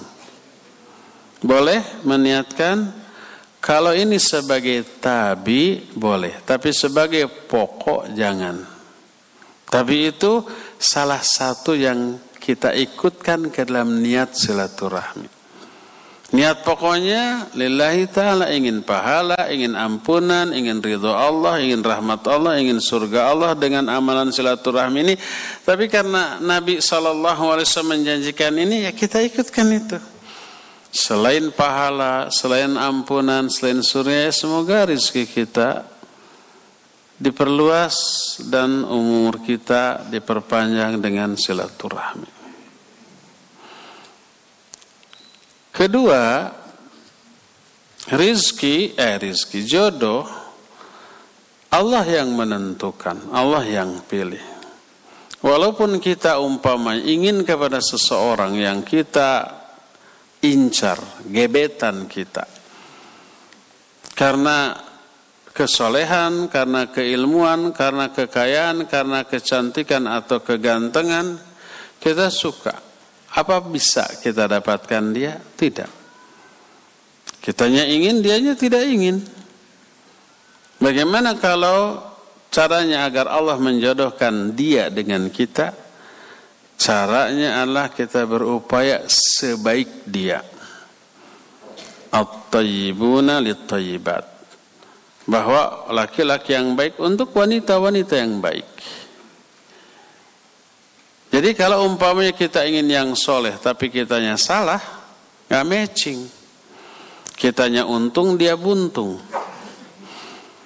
kitanya happy, dianya apa lawan dari happy? Menderita. Jadi agar Allah menjodohkan kita dengan dia, berupalah untuk sesoleh dia sebaik dia. Saya ada kisah yang diambil dari sebuah kutaib. Kitab kecil namanya Awaiqut Talab. Artinya kendala bagi para penuntut ilmu. Salah satu kendala adalah tidak ikhlas. Nah, ada orang laki-laki miskin, bodoh, nggak punya apa-apa, ngincer seorang wanita cantik, bangsawan dan kaya raya. Nekat dilamar. Kata orang Cilengsi mah ditolak sapa jodogan. Pokoknya ditolak. Tapi dia ngeyel. Tidak patah semangat. Tapi juga tidak mengamalkan tulisan di belakang truk. Apa tulisannya? Cinta ditolak, dukun bertindak. Enggak, dia enggak percaya dukun. Dia mikir, dengan apa saya bisa memikat dia? Hanya dengan salah satu di antara dua hal. Pertama, bil mal atau bil hasab. Dengan harta saya harus menjadi orang kaya atau dengan hasab. Hasab ini dengan kehormatan. Kalau dengan kehormatan saya harus menjadi seorang yang berilmu, yang ditokohkan, yang menjadi panutan. Dua daya tarik bagi muslimah kalau enggak berharta ya berkedudukan. Dalam arti dia ini menjadi ikutan, menjadi tauladan. Akhirnya dia memilih berilmu.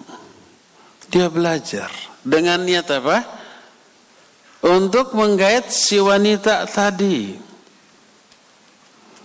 Apa yang terjadi? berhasil. Dia menjadi ulama besar, muridnya banyak, disanjung, dipuji, dihormati. Setelah demikian wanita tadi yang dahulu pernah menolaknya mengirimkan utusan menawarkan diri untuk menikahinya. Apa yang terjadi? Dia menyatakan la uthira alal ilmi syai'an. Aku tidak ingin lebih mementingkan apa pun dari ilmu. Ditolak lagi tawaran wanita. Seri satu-satu. Imam Ibn Zawzi rahimahullah ketika mengomentari kisah ini beliau menyatakan orang ini awalnya niat mencari ilmu untuk dapat wanita yang diincarnya dan ini niat yang Salah apa yang buruk? Salah dan buruk. Tapi kenapa berhasil? Di tengah jalan dia faham. Dia sadar ini niat yang salah. Setelah ilmu dipelajari, ilmu memberitahukan bahwa ini salah, keliru. Akhirnya dia meluruskan niat.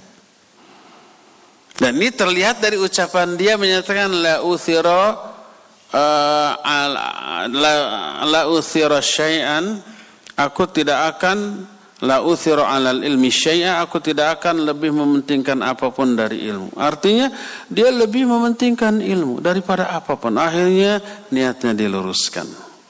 Hanya lillahi ta'ala. Itu yang membuat dia berhasil. Berhasil menguasai ilmu berhasil dia menjadi orang yang dimuliakan setelah niatnya lurus. Setelah berhasil wanita yang menolak tadi menawarkan diri tapi dan inilah yang apa namanya uh, wujud kebenaran dari sabda Rasul sallallahu alaihi wasallam siapa orang yang menjadikan akhirat sebagai cita-citanya menja'ala Eh, menja'al al-akhirah himmatahu. Siapa orang yang menjadikan akhirat sebagai cita-citanya, maka dunia akan mengejarnya dalam keadaan dunia itu hina dalam pandangannya. Ini terbukti ya. Jadi kalau diisyaratkan oleh ayat, oleh hadis, Ada iming-iming dunia karena amalan tertentu boleh tapi tidak dijadikan niat pokok. Saya mah nggak perlu ampunan, nggak perlu pahala, nggak perlu surga. Yang penting ini aja panjang umur, rizki melimpah. Makanya saya silaturahmi. Nah ini nggak dapat. Jadi jadikan sebagai niat tabi bukan pokok ya. Wallahu a'lam.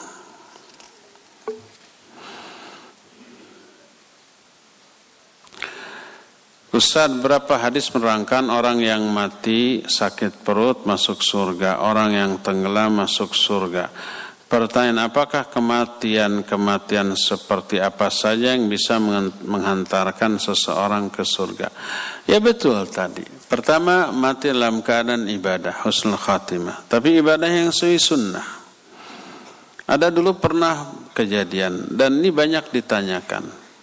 Saya menjawab tidak ingin mengomentari peristiwa yang terjadi. Ada sebuah perayaan yang secara syar'i bid'ah tapi di sana ada bacaan ayat Al-Qur'an. Ketika baca membaca ayat Al-Qur'an mati. Orang-orang semua menyatakan husnul khatimah. Tapi perayaannya adalah bid'ah. Dan seterusnya. Nah, coba saya kasih ilustrasi. Kalau seseorang sholat subuh Tiga rakaat. Dia ibadah apa sedang bermaksiat? Bermaksiat kepada Allah karena menambah jumlah rakaat.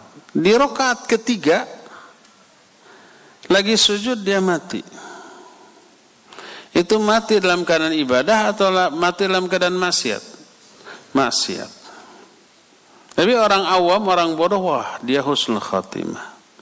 Karena mati dalam keadaan sujud. Tapi sayangnya sujud ketiga di rokaat di, di sujud rokaat ketiga di sholat subuh yang harusnya dua.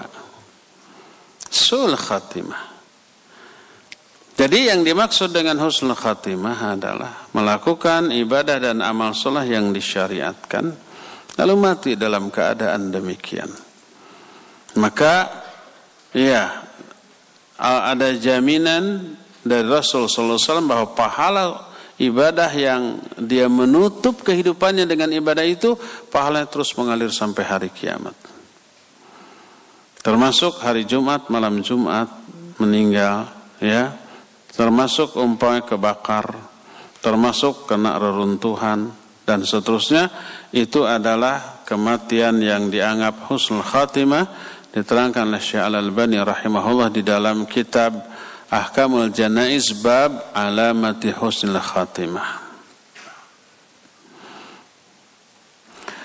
Apakah orang Islam yang baik dan menjalankan sholat serta puasa wajib tapi tidak menutup aurat dan juga tidak mengenal sunnah akan masuk surga? Pasti masuk surga. Semua orang Islam pasti masuk surga. Cuma ada yang langsung, ada yang ah, wayahna kata orang Cilengsima. Direndam dulu di neraka. Selama apa? Sesuai dengan kadar dosa. Jadi dosa-dosa yang dilakukan oleh manusia seperti tidak menutup aurat, tidak mengamalkan sunnah, itu amalan yang terancam, ini terancam ya bukan pasti, terancam oleh neraka. Apakah dia pasti masuk neraka? Belum tentu. Tergantung apa?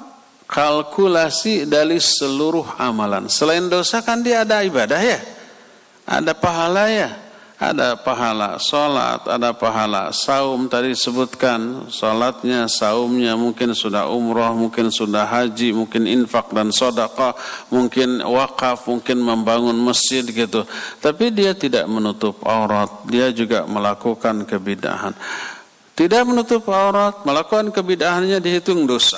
Ketika sholatnya, ketika saumnya, ketika ibadahnya dihitung pahala. Nanti semua dikalkulasi, ditimbang. Fa amma man thaqulat mawazinu fahuwa fi radiyah. Jadi kalau lebih berat pahala kebaikan dia ke surga langsung. Fahuwa fi isyati radiyah. Dia berada dalam kehidupan yang dia ridho dengan hal itu. Dalam riwayat lain fi jannatin aliyah. Terus gimana anunya dosa-dosanya terhapus oleh sebagian kebaikannya. Innal hasanati yudhibna sayyat. Kebaikan-kebaikan menghapus dosa-dosa kesalahan. Umpama contoh kalau dihitung dengan angka kebaikannya seribu. Dosanya dua ratus. Maka diambil 200 kebaikan menutupi menghapus 200 dosa. Dosa habis. Saldo yang tersisa pahala 800. Ini saldo pahala yang tersisa menentukan tingkatan dia di surga. Lebih banyak saldo lebih tinggi intinya. Jadi kalau kita menjelaskan amalan bidah ini haram, terancam neraka. Terancam bukan pasti masuk neraka, bukan. Terancam loh. Amalan dosa ini juga maksiat ini terancam neraka, bukan pasti pelakunya ahli neraka. Karena nanti lihat di akhir hayat apa ditaubati atau tidak. Kalkulasi nanti dengan amal soleh lalu ditimbang gitu. Jadi kalau kita mengharamkan sebuah perbuatan, sebuah amalan tidak berarti memfonis pelakunya dengan fonis ahli neraka. Tidak sama sekali ya. Wallahu a'lam. Bagaimana cara menyadarkan hati yang hampir mati? Cepat digoyahkan, eh sadar-sadar gitu. Eh hati-hati cepat sadar bahaya loh gitu. Di saat melakukan kesalahan atau dosa merasa bodoh amat dan bahkan seakan ya sudah lewat saja. Tapi terkadang sadar dan merasa bersalah. Kadang di lain waktu melakukannya lagi. Syukran Ustaz. Untuk menjawab pertanyaan ini saya usulkan satu kitab dibahas. Namanya Asbabu Ziyadatil Iman wa Nuqsani susun Syekh Abdur Syekh Abdur Razak hafizahullah taala. Bin Abdul Muhsin Al-Ambad hafizahumullah taala. Itu sebab-sebab naik turunnya iman ini akan menjawab pertanyaan ini bagaimana cara menyadarkan hati yang hampir mati bahas kitab itu nggak banyak kok ya kalau saya paling 10 pertemuan selesai atau yang lain bisa aja satu kali pertemuan selesai. Jadi bayangkan 10 pertemuan harus diterangkan untuk menjawab pertanyaan ini di waktu sekarang nggak cukup ya. Di sini sudah dibahas kitab itu? Sudah? Lupa, Abu Lukman lupa. Tadi disebutkan bahwa menangis adalah zikirnya mata. Tapi kenapa mata ini menangis hanya ketika dihina orang, dicela orang, ditipu orang, dipecat dari pekerjaan? Namun ketika ibadah atau ketika mendapatkan nikmat dunia susah nangis. Malah senang ketawa ya kalau. Bagaimana agar mata ini bisa menangis karena zikir? Taib. Tadi dijelaskan yang dimaksud dengan Zikrul ainain al-buka min khasyatillah. Zikirnya dua mati menangis, tapi bukan sembarang menangis. Tapi karena takut kepada Allah, karena takut diazab karena dosa-dosa. Menangisi dosa. Itu yang menjadi zikir. Adapun nangis yang tadi ya ditolak akhwat nangis atau umpamanya akhwat nih gandrung ke ustad tertentu ustad itu nikah lagi nangis ada kan yang begitu saya dengar baru-baru ini ada ustad yang diidolakan nikah lagi banyak yang nangis saya lagi berzikir dengan mata. Itu bukan berzikir cengeng. Cemen. Jadi yang dimaksud dengan zikir uh, dalam bentuk menangis karena takut kepada murka dan azab. Allah bukan karena hal-hal yang seperti itu. Bagaimana caranya agar kita bisa begitu? Sama dengan yang tadi bahas kitab Asbabu Ziyadatul Iman wa Nuqsanuhu. Sebab apa? Sebab itu berkaitan dengan kondisi iman. Ya. Terakhir ya, mohon maaf tidak semua pertanyaan bisa dijawab. Ustaz, mengapa ketakutan kita pada dunia lebih besar dari ketakutan kita dengan hari akhirat? Terutama ketakutan mengenai rizki. Sama jawabannya bahas. Buku sebab-sebab turun dan naiknya iman itu berkaitan dengan iman. Karena iman lagi turun, mengalami degradasi, lemah, futur, yang dikejar dunia. Akhirat dilalaikan dan dilupakan. Kalau dunia yang dikejar hilang, menjauh, dia nangis. Kalau akhirat yang luput dari dia cuek. Ini aspek iman. Iman menyebabkan lebih peduli kepada dunia daripada akhirat. Kalau imannya tipis, iman yang tipis, yang lemah, yang futur mengakibatkan lebih mementingkan dunia daripada akhirat. Kalau imannya naik, sebaliknya. Akhirat lebih dipentingkan daripada dunia ya.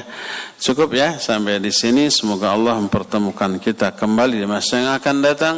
Subhanakallahum bihamdik asyhadu an la ilaha illa anta astaghfiruka wa atubu ilaik walhamdulillahirabbil alamin wassalamu alaikum warahmatullahi wabarakatuh.